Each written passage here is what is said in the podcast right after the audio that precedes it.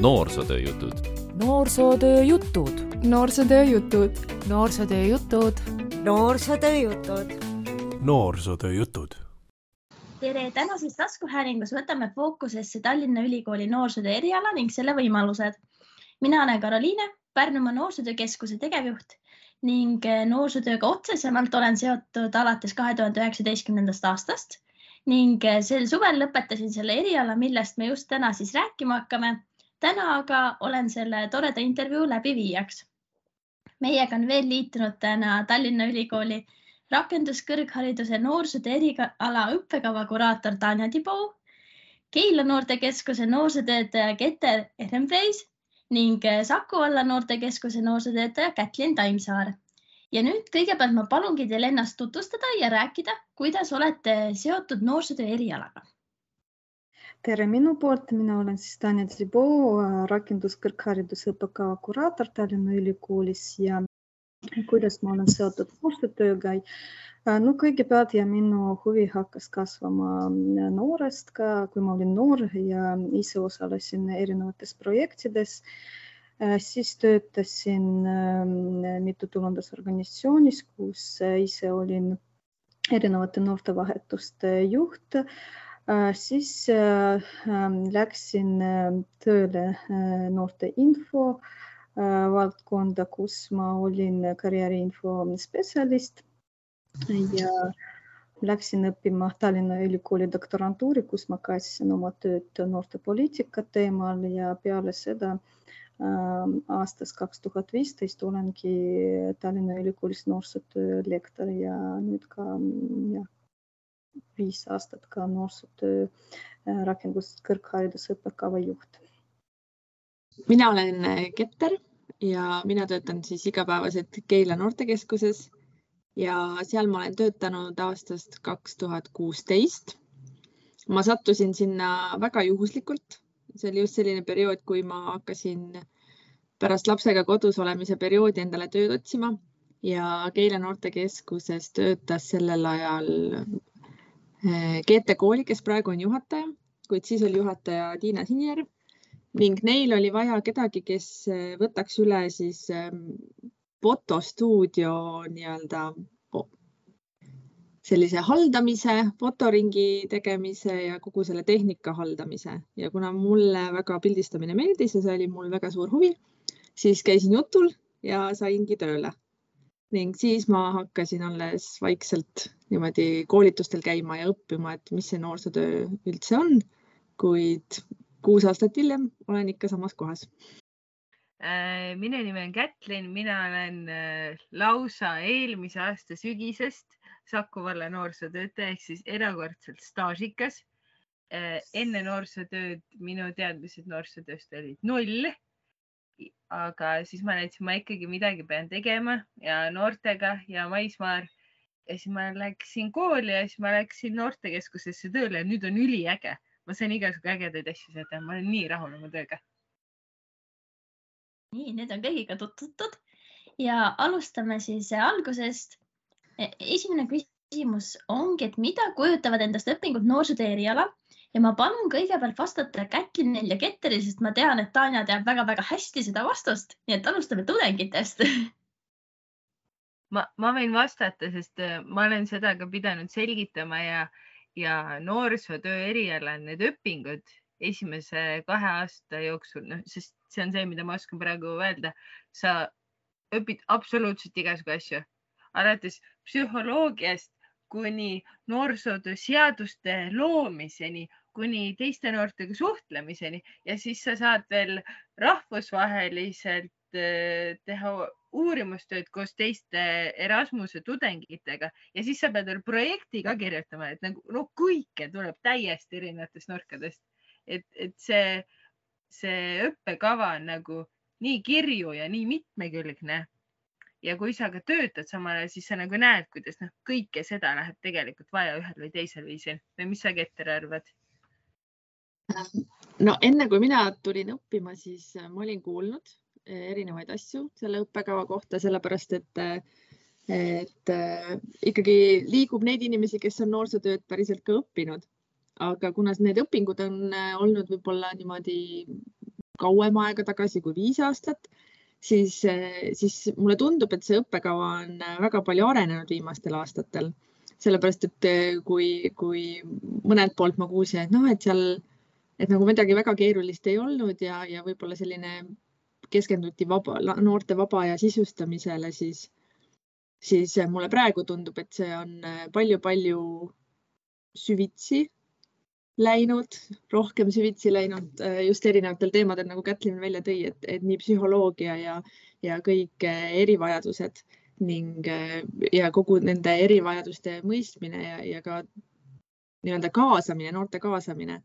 et, et see on kindlasti võib-olla isegi nagu keerulisem ja põnevam, kui ma alguses ootasin. aga ma ise tunnen, et, et minu jaoks oli kõige õigem just teha seda seda niipidi, nagu ma tegin, et ma kõigepealt läksin tööle ja siis läksin õppima, sellepärast et siis on palju lihtsam neid paralleele tuua. et kui ma oleksin, ma ei tea, üheksateist, kahekümne aastaselt asunud noorsootöö erialale, siis nendest teemadest on ikka päris keeruline aru saada vahepeal. nii, Tanja, kuidas tundub, kas jäi midagi lisamata? milliseid kogemusi ja teadmisi sealt noorsootöö õppekavalt veel kolme aasta jooksul saab?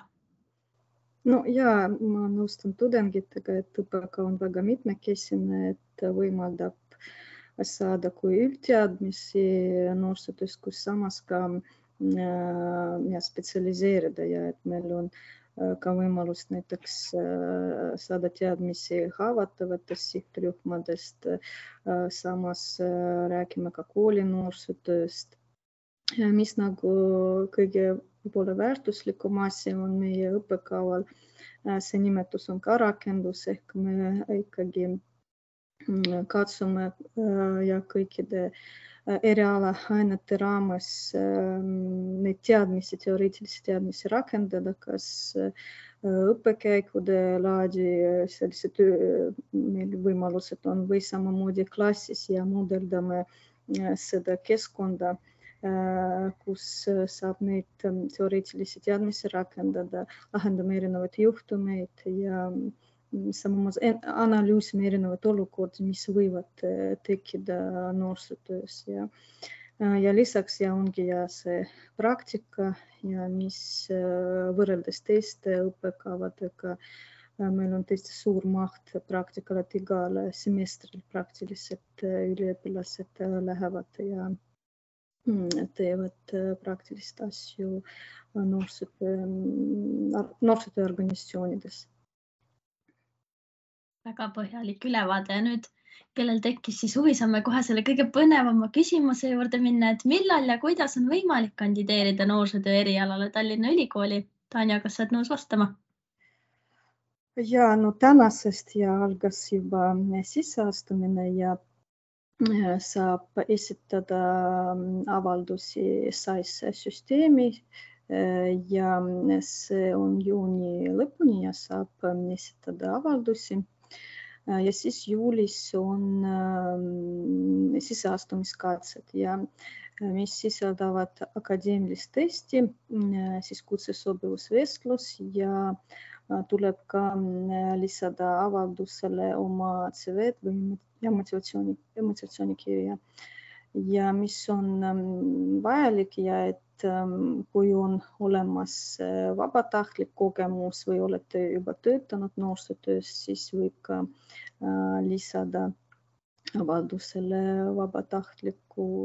ähm, ma ei tea, tunnistus või mingi dokument, mis kinnitab, et te olete seda tööd teinud.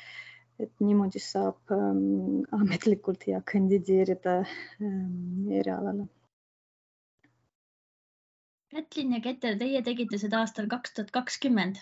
millised on teie kogemused ja soovitused uutele kandideerijatele?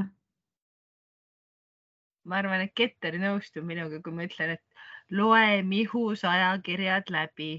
mida rohkem sa neid vestlusesse oskad sisse tuua, seda kindlamalt sinna ülikooli sisse saad, sest mina olin vestlusel veel kahe noorega, kes ei olnud Mihus ajakirja lugenud ja oi, ma skoorisin, sest ma olin lugenud, siis ma olin oh, sealt on pärit. Ja see akadeemiline test, seal peab väga täpselt kuulama, et sa ei kirjuta ülesannete lehele vastuseid, sul on eraldi vastuste leht, kirjuta sinna peale. ja siis läheb kõik hästi, ma olen täiesti kindel. ma ei tea, sellel aastal vist tuleb see elektrooniliselt arvutis. See on veel hullem selle testi osas näiteks eh, mina soovitan, et kuna need eelmiste aastate testid on eh, üleval, et natukene tasub vaadata, mis laadi ülesanded seal on. sellepärast alguses mulle tundus väga hirmus see, et noh, nad küsivad midagi matemaatikast ja mina keskkooli ju lõpetasin nii ammu tagasi ära, et ma ei mäletagi enam. aga seal on üsna sellised elulised ja, ja loogilised ülesanded, et kui need nagu üle vaadata korra, siis ma arvan, et, et keegi päris ette ei jää sihuke võib-olla põletav küsimus natukene, et eh, kuidas ikkagi on võimalik ühildada kooli eh, töö ja pereeluga, et te kõik töötate ka, teil on lapsed, et kas üldse on võimalik eh, ja millised teie kogemused sellel teemal on? Katrin, tahad alustada? okei okay. mina olen äh, meie kursusel see tudeng, kes sai samal päeval ilusa positiivse testi ja siis ja teate, et ma olen ülikooli sisse saanud. vaata, kui tore. aga tegelikult see asi käib niimoodi, et äh, sul on jõhker tugisüsteem ülikooli poolt, et sul on äh, inimesed, kes annavad sulle kõike teada, kuidas, mida teha. ülikoolis on, see on muidugi natuke top secret saladus, aga on olemas lastetuba nagu päris lastetuba, lihtsalt vii oma laps sinna ja teised tudengid saavad EAP-sid, super. ja, ja aga, aga tegelikult on ka see, et tegelikult on ikkagi raske ka, sest ma olen, ma olen oma vanema pojaga, mul on kaks last, üks on kolm, üks on üks. Äh, vanema pojaga käinud koos eluprojekti koosolekul.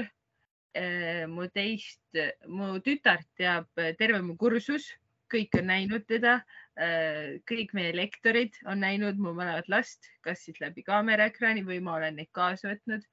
ja, ja kui sa ikkagi otsustad, et sa tahad ja sa teed, siis sa ka teed selle asja ära. et Berta oli, mis ta oli mul kaks kuud või? me käisime äh, seda tervise kasvatusaines, see oli meil vaja mingit noorte, noortele niisugust tegevust organiseerida ja ma läksin siis selle ühe-kahekuuse beebiga läksin tuletõrje depoosse ja me tegime rasva põletamist. et noh, kui sa tahad, siis sa saad hakkama, vaata. aga noh, no mul on nagu päris väikesed lapsed, et Ketteril on natuke suuremad lapsed, et ma ei kujuta ette, kuidas nendega veel on, et noh. palun ütle, et on kergem, et siis mul on ka nagu tulevik helge ja suurematega on kindlasti kergem ja, ja selles mõttes, et minu jaoks on see teine katse minna ülikooli. ma käisin äh, kunagi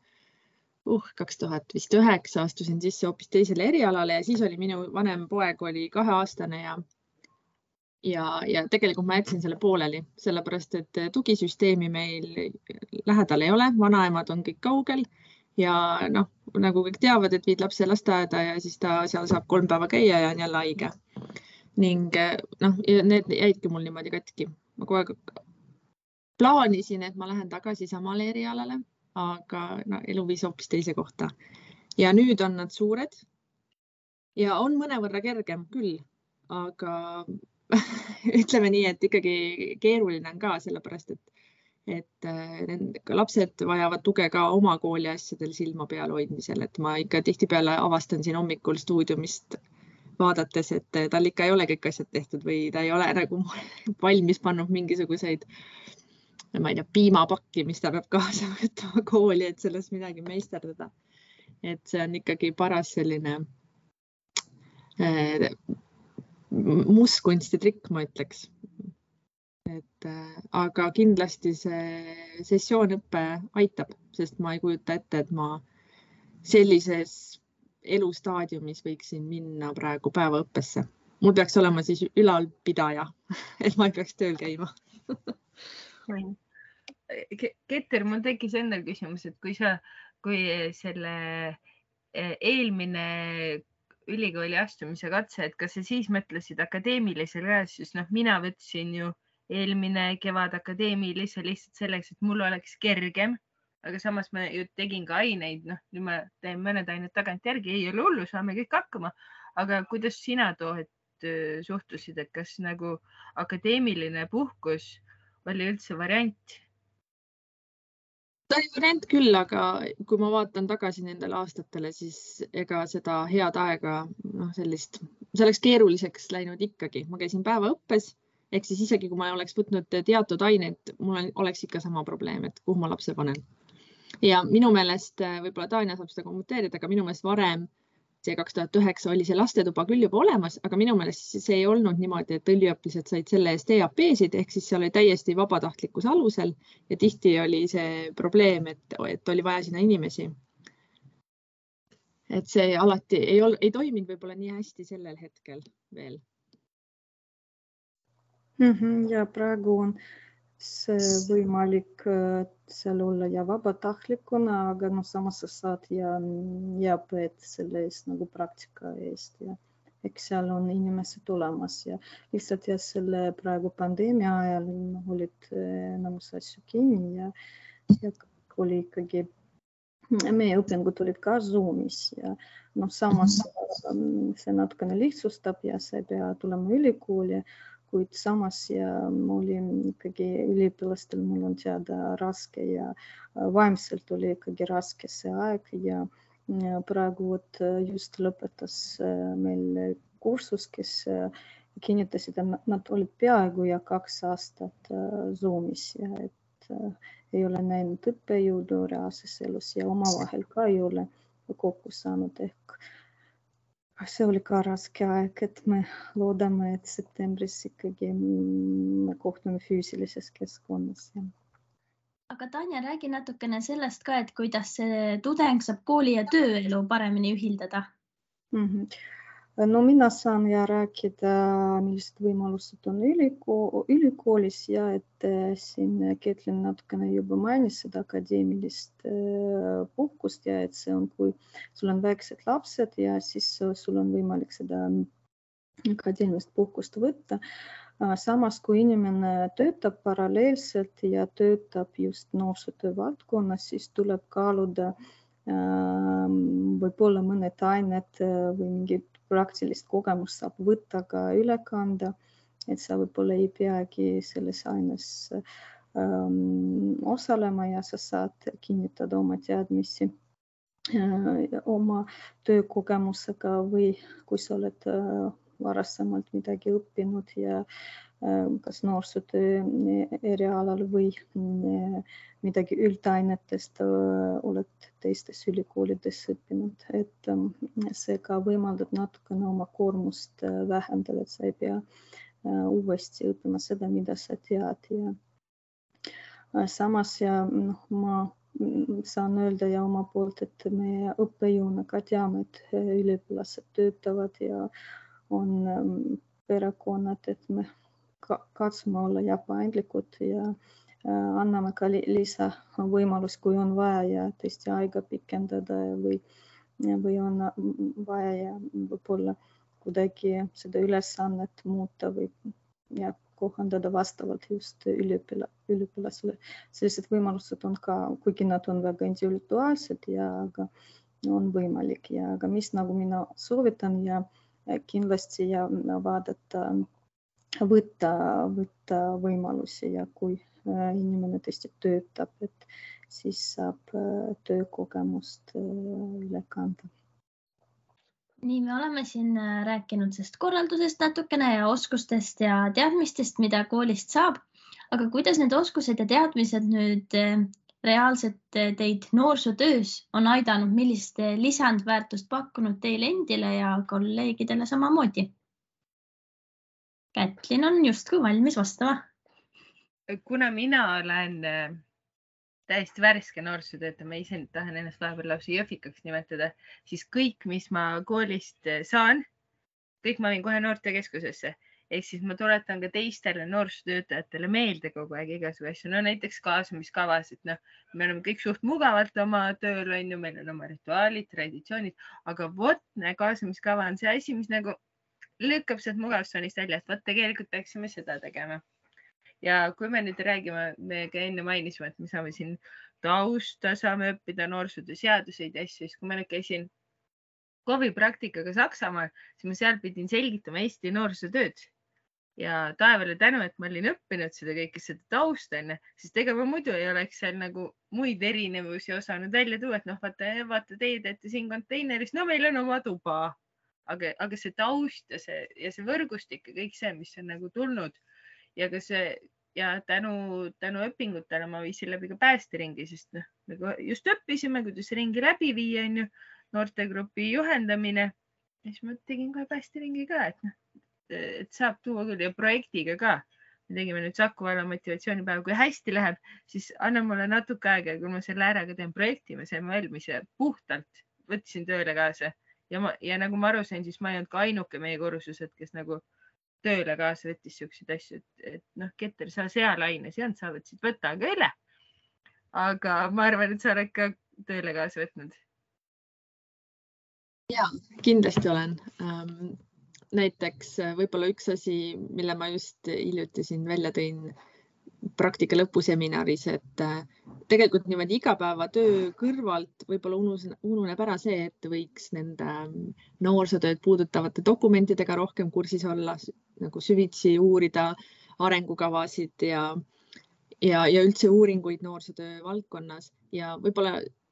just õpingute raames, noh, seda on vaja teha ja, ja, ja pidevalt tuletatakse meelde. nii et see on kindlasti üks asi, võib-olla millega ma olen rohkem tegelenud ning teine asi on selline, et äh, ma tunnen küll, et ma olen saanud uusi teadmisi või siis sellist uut vaatenurka erinevatele teemadele. et äh, väga lihtne näide, et kui me räägime kaasamisest ja, ja võib-olla mingitest kaasamise takistustest, siis tegelikult esimene asi, mis me kogu aeg mõtleme, et noh, liikumispuudega noored on ja vaatame, kas nad saavad majas sisse aga tegelikult ütleme nii, et noh, võib-olla me keskendume nendele sihtrühmadele, kes meil majas juba käivad või kellega me oleme kokku puutunud, aga jätame välja need võib-olla, kes jäävad meie jaoks kaugeks. Ja see on nagu selline teema, mida me ülikoolis ju käsitleme kõiki, et, et selles mõttes ja, ja ma arvan, et ma, mulle siiamaani on kõige suuremat vaimustust äh, tekitanud see suhtlemine noorsootöös ehk mida Pille Murrik andis. Et äh, sellega ma läksin küll tööle niimoodi, et meil on ka seda koolitust vaja. et äh, muidugi see on väga kallis, nii et selle peab planeerima, aga minu meelest need äh, killukesed ja need äh, võib-olla mingid ülesanded ja mida tema sealt andis ja mida me koos läbi tegime, et need olid kõik need, mille ma ütlesin, nii, nüüd me hakkame ka harjutama. Et kindlasti neid asju on, on veel, aga need on võib-olla sellised, mis järedamalt kohe meelde tulid omalt poolt lisaks veel juurde nendele mõtetele, mis te rääkisite, on ka see, et äh, see, kes on selle noorsootöö eriala ikkagi läbinud, ta ei ole enam kas noorsootöötaja ainult noortekeskusest või ainult mobiilne noorsootöötaja või noorsootöötaja ainult KOV-is, vaid me jagame nagu kogu pilti. me ei pruugi olla igas asjas eksperdid, aga see ülevaade kogu noorsootöö valdkonnast on ikkagi väga-väga hea ja veel äh, mida te ka ei maininud, on see võrgustik, mis meil tekib tänu tudengitele ja teistele kursustele ja õppejõududele, sest eh, noorsootöö on eh, vägevalt väike ja piisavalt suur valdkond Eestis, et eh, me oleme niisuguse ägeda võrgustiku omavahel juba loonud, et see on ka üks väga-väga-väga suur väärtus minu arvates. aga miks võiksid just praktikud õppida noorsootööd, siin võib-olla just Keter ja Tanja oskaks sellele väga hästi vastata no ja ma kõigepealt võib-olla mm, räägin sellest ja et äh, kuigi ja see praktiline kogemus on väga väärtuslik ja aga mõnikord äh, inimene ei tea, miks ta niimoodi just praktikas teeb ja, ja sellekski on vaja natukene teoreetilist asju lugeda ja äh, kriitiliselt kuidagi selle üle mõelda ja reflekteerida ja mis tegelikult ma teen ja selleks aitabki teooria samuti ja see mm, ikkagi see, neid õpingud ja sul on aeg just süstemaatiliselt ja neid äh, teadmisi nagu kaevata ja, ja saada aru, mis selles noorsootöös üldse toimub. Ja siin oli ka mainitud, et äh, vaadata neid dokumentid ja äh, samas ka mm, natukene analüüsida seda valdkonna, sest meil on ka äh, Äh, uurimisained, kus äh, kus on võimalik jah saada selliseid teadmisi oskusi, et ana, analüüsida ja mis toimub ja noorsootöös, mis on ka väga oluline ja kui edaspidi inimene hakkab arendama noorsootööd ja et võib-olla igapäevases elus ta ei tegele sellega, aga just need dokumendid ja mm, sest uurimisoskused annavad võimaluse panustada tõenduspõhilisse põhilisse noorsootöösse ja, ja noortepoliitikasse. ja kindlasti ja siin ka oli mainitud, et see võrgustik ja et siis me õpingute raames kohtume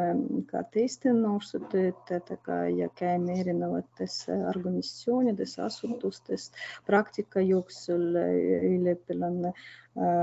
üliõpilasel laieneb see võrgustik ja samamoodi ja üliõpilased pärast lähevad tööle ja teil on juba head tuttavad, kellega saab koostööd teha ja ja ma olen nõus selles mõttes, et see arvan, ikkagi enamus noorsootöötajaid eh, regulaarselt täiendavad ennast läbi erinevate koolituste, aga ülikoolis on see, ongi väga süstemaatiline ja selline terviklik, et kõiki teemasid käsitletakse, et eh, koolitused on tihti ju sellised lühemaajalised ja, ja suunatud siis väga mingile teatud eh, teemale. Ja, ja võib-olla noorsootöötajana ise ei oskagi vaadata, et mida kõike mul oleks vaja teada. Ehm, ning äh, ka seda, et noorte valdkond samamoodi uueneb, uuenevad ju, on need suunad ja, ja kõike uuritakse, saadakse uusi teadmisi ja sellest lähtuvalt ka valdkond areneb, nii et, et noh, nagu ma ütlesin, et, et kui varasemalt, kui varasemad õpingud võib-olla olid lihtsamakoelisemad ja, ja isegi kui ma mõtlen, et noorsootöö areng Eestis, et kuidas sellest ajast, kui ma ise noor olin ja esimestes noortekeskustes käisin ja, ja, ja mis tänapäeval, kui põhjalik ja kui, kuidas ma ütlen, eneseteadlik peab olema üks noorsootöötaja, sellepärast et, et oleks kvaliteeti, oleks tulemusi, et see vajab ikkagi sellist tuge ja suunamist viskan siia õhku korra sellise küsimuse, et kui mõni kuulaja hakkas siin väga hoolega planeerima nüüd oma karjääri ja õpiteekonda, siis eh, mis saab edasi, kui ta on selle kolm aastat läbinud, mis on tema võimalused? kas soovib Tanja sellest rääkida või hoopis mõni tudengitest? No mina saan jälle rääkida ülikooli võimalustest, et äh, kindlasti saab edasi minna. Äh, kas pühendada noorsootöö korraldusele ja et äh, meil on olemas magistri, magistriõpingud Tallinna Ülikoolis samas ja kui üliõpilane näeb, et ta tahab võib-olla spetsialiseeruda mingi muu alale, siis on ka võimalik meie rakenduskõrghariduse diplomiga minna ma ei tea, kas õppida näiteks lastekaitset või minna hoopiski näiteks andragoogikat või sotsioloogiat või mis iganes ja et aga no meie nagu ülikooli poolt ikkagi ootame, et meie üliõpilased, kes on lõpetanud ja noorsootöö rakendus kõrgharidusõppekava tulevad ja noorsootöö magistratuuri, sest seal saabki veelgi oma teadmisi laiendada ja samas ka juba magistriõpingud äh, lõpevad äh, magistritööga, kus saab uurida seda teemat, mis just äh, üliõpilase pakub huvi ja, ja mis on vajalik ja noorsootöös. mina isiklikult arvan, et, et üks no üks tudeng, kes on lõpetanud noorsootöö eriala, võiks vähemalt mõnda aega töötada päriselt noortega mõnes noorteorganisatsioonis, et isegi kui see huvi on võib-olla minna sinna noorsootöö arenduse peale, siis tegelikult noh, see on ikkagi natukene erinev, kui me loeme sellest, kuidas mingisuguseid meetodeid kasutada või mingisuguseid tegevusi läbi viia või kasvõi esmasest nõustamisest. noh, loeme, siis see võib tunduda ju lihtsam, aga, aga saada see päris kogemus, et kuidas me noortega tegeleme, saada kokkupuudet erinevate noortega. et ma arvan, et see on nagu selle juures ka väga väärtuslik Kätlin, kas soovid ka lisada? ma, ma täiesti nõustun Ketteriga, et, et peab äh, minema korra ja proovima oma kätega selle töö ära, sest ma olen ka näinud, kuidas nad koolis õppisime, päriselu on hoopis teistmoodi, onju. ja, ja kindlasti ka, et äh, proovida ka erinevat noorsootööd võib-olla, et noh, me, me ei saa võrrelda nagu niisugust väikest nunnut noortekeskust, kus on umbes äkki kümme noort vaata ja siis lähed hoopis, ma ei tea, kusagile äh, nende tuusikutega laagrisse näiteks nagu ikka väga ekstreemset asja. Ja siis sa võid ju ükskõik kuhu ja, ja mis suunda minna, sest igas suunas on tegelikult noored sees, et kas me vaatame, kui me, kuidas nad arendavad ju neid noortele IT ja programmeerimise äh, asju, mis toimub äh, igal pool päästeamet, kuidas arendab noorte tegevust, on ju. punane Rist eh, tegeleb noortega, Kodutütred, igal pool käib mingi tegelemine noortega, et noh, lihtsalt mine ja, ja, ja anna kogu see energia ja tarkus, mis sa oled ülikoolis saanud ikka ühte või teistpidi noortele tagasi.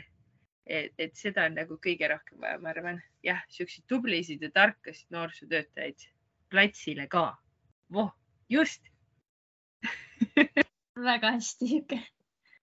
võib-olla lisan ja et ma äh, nõustan tudengitega ja et mida Kätlin ja Keter ütles, et kindlasti ja ma soovitan ka, et kui ei ole praktilist kogemust äh, rakenduse, rakenduse eriala jooksul äh, võimalust sellist ja siis pigem ja peale äh, seda kolm aastat võib-olla tõesti võtta üks või kaks aastat äh, töötamiseks ja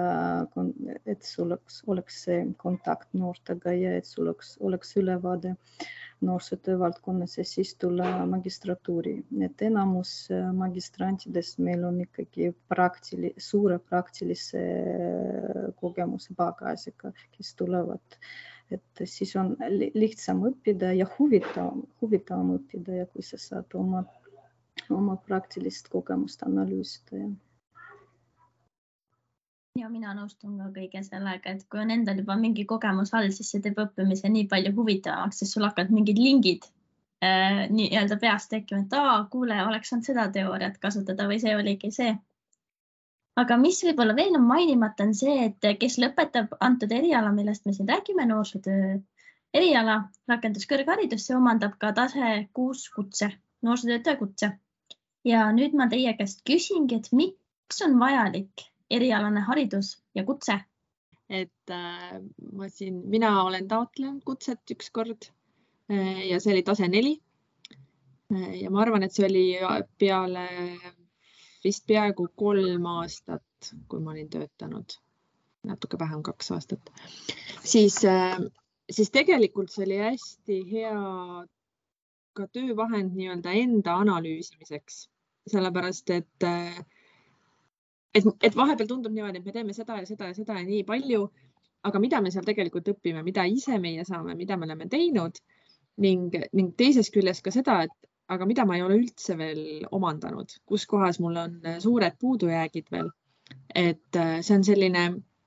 minu meelest on isegi, kui nüüd selle kuuenda kutse kätte saab, ülikooli on tehtud, siis ikkagi teatud aja tagant üle vaadata, et eh, mida ma nüüd juurde olen saanud, mida ma olen kogenud ja kus mul võib-olla ikka veel puudujäägid on, kus ma peaksin ennast arendama, nii et selles mõttes ma näen küll see, et see on selline väga kasulik eneseanalüüsi tööriist ka ja ma, ma nõustun Ketteriga, et noh, ta ongi, et va vaadata, mida sa oskad ja kuidas sa oskad ja sellepärast ka kolmanda aasta lõpus, Karoliina, paranda mind, kui ma eksin, ongi see, et sa teed ju enda kutsestandardina, kirjutad kõik need punktid lahti, onju? jah, täidad kutseportfooliot, jah mm. -hmm et, et analüüsid kõik, mis sa oled siiamaani, mis sa siiamaani oskad, mida sul on vaja veel õppida või praktilisi kogemusi saada ja see kutse on ka niisugune asi, et mina olen õppinud eelnevalt ka Äh, eriala, kus oli ka, et ja, et vot siukse ameti saad, aga, aga ei olnudki kutset ega mingit sellist tunnistust, et vot sina oled nüüd see. ja, ja see tegi nagu selle õppimise ja lõpetamise, see andis nagu natuke siukse kibeda maigu, et okei okay,, ma käin ja õpin, onju ja nagu ja kes ma siis nüüd olen. et okei okay,, mul on see haridus, aga nagu ametlikus paberite maailmas nagu no, tore, et sul on see haridus, aga nagu no ja siis aga praegu on ju ikkagi olemas kutse, sul on päriselt olemas dokument, see on see, mida sa oled teinud. Ja ma kujutan ette, et kui näiteks vaadata ka rahvusvaheliselt noorsootööd ja minna nagu kusagile mujale, et siis see dokument aitab meil ka selgitada teistes riikides, mida me oskame, mida me oleme õppinud ja mis on meie kogemused, kuigi võib-olla teistes riikides ei ole sellist asja nagu kutset, siis see aitab nagu meil selgitada ja, ja ka nagu tõestada või tõendada oma tööd, et, et vot meil on niisugune süsteem ja see siin näitab täpselt ära, mida ma olen õppinud. Ja, ja paratamatult elu ja tegevused liiguvad ju rahvusvahelise suuna peale, et noh, et see, selle vaatenurga pealt ma leian, et see on väga-väga vajalik ja tähtis dokument, et noh, tuleb see paber ära teha. Ma võib-olla lisan ja kuigi enamus asju sai räägitud, aga ja äh, individuaalsel tasandil ikkagi need õpingud ja haridus annab hea ettevalmistuse ja kui äh, inimene, on läbinud seda, neid õpinguid või on teinud kutset, siis ta tunneb ennast kindla, kindlamana sellest, selles valdkonnas, et need õpingud annavad kindlasti kindluse tegutsemiseks ja teine asi ja kui me räägime makrotasandil, siis me peame mõtlema noorsootöö kvaliteedis ja et ikkagi kui vaadata praegu ja me saame öelda, et meil ei ole Eestis igal pool see kvaliteet ühtlane ja et kuidas me saame seda tagada ja et üks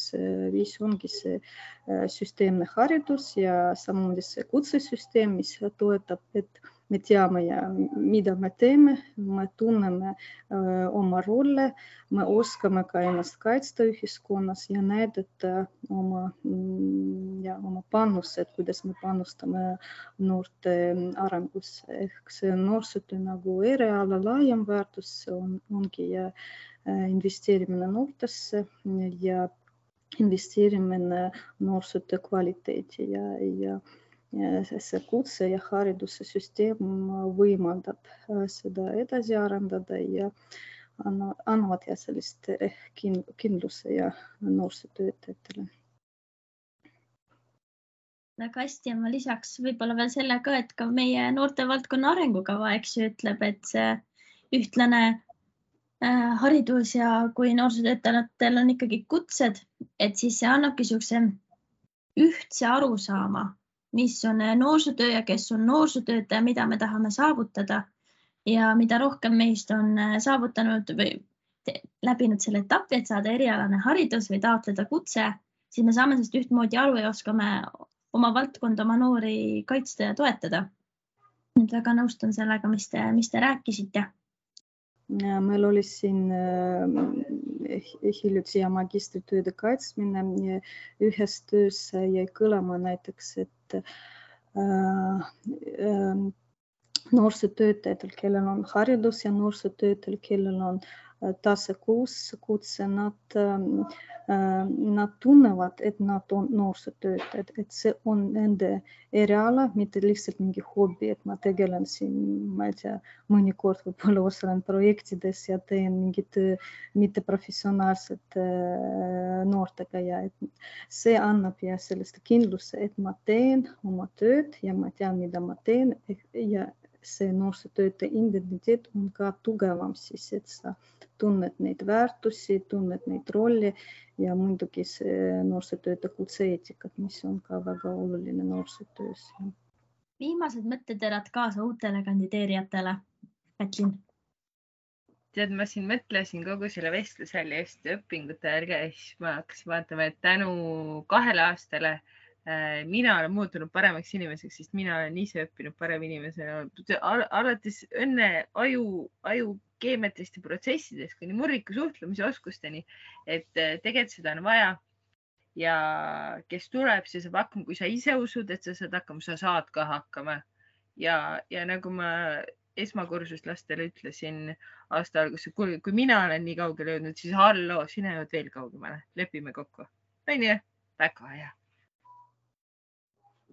ja ma arvan, et ma arvan, et võib-olla kordaksin ühte asja, mida mitu õppejõudu meile kohe algusest ütlesid, et äh, Tanja kohe esimesel kohtumisel näiteks ütles, et tehke endale kohe Facebooki grupp või mingi koht, kus te saate suhelda sellepärast et äh, see on üliülioluline. sest et kõigil on päris kiire, kellel on lapsed, kellel on, kellel on lihtsalt väga selline ressursimahukas töö ja me, me ei suuda lihtsalt ise kogu aeg kõigel silma peal hoida ja seda järge pidada ja tegelikult see, et kui sul on selline toetav grupp, kus sa saad küsida ka küsimusi võib-olla, mida, mida, millele on juba vastatud kümme korda, aga sa küsid jälle ja nad vastavad niimoodi oh,. kuule ja palun et, et selline, ma arvan, et meil on küll väga vedanud sellise ühtehoidva kursusega ja, ja sellist nagu tuge ja üksteise toetamist on väga-väga vaja nii, nii praegu õpingutel kui ka hiljem töös. ma lisan kiiresti, piknikke peab ka korraldama selle kursusega, ninapidi peab kokku saama ja laua taga peab pläku-pläku tegema, siis on palju kergem, päris ausalt. nõustun. Tanja, mis on sinu mõte kandideerijatele kaasa? Nojah, et, et ikkagi ja vaadata neid materjale ja et mitte nii, lihtsalt niisama tulla vestlusele. samamoodi ma ikkagi soovitan vaadata õppekava sisu,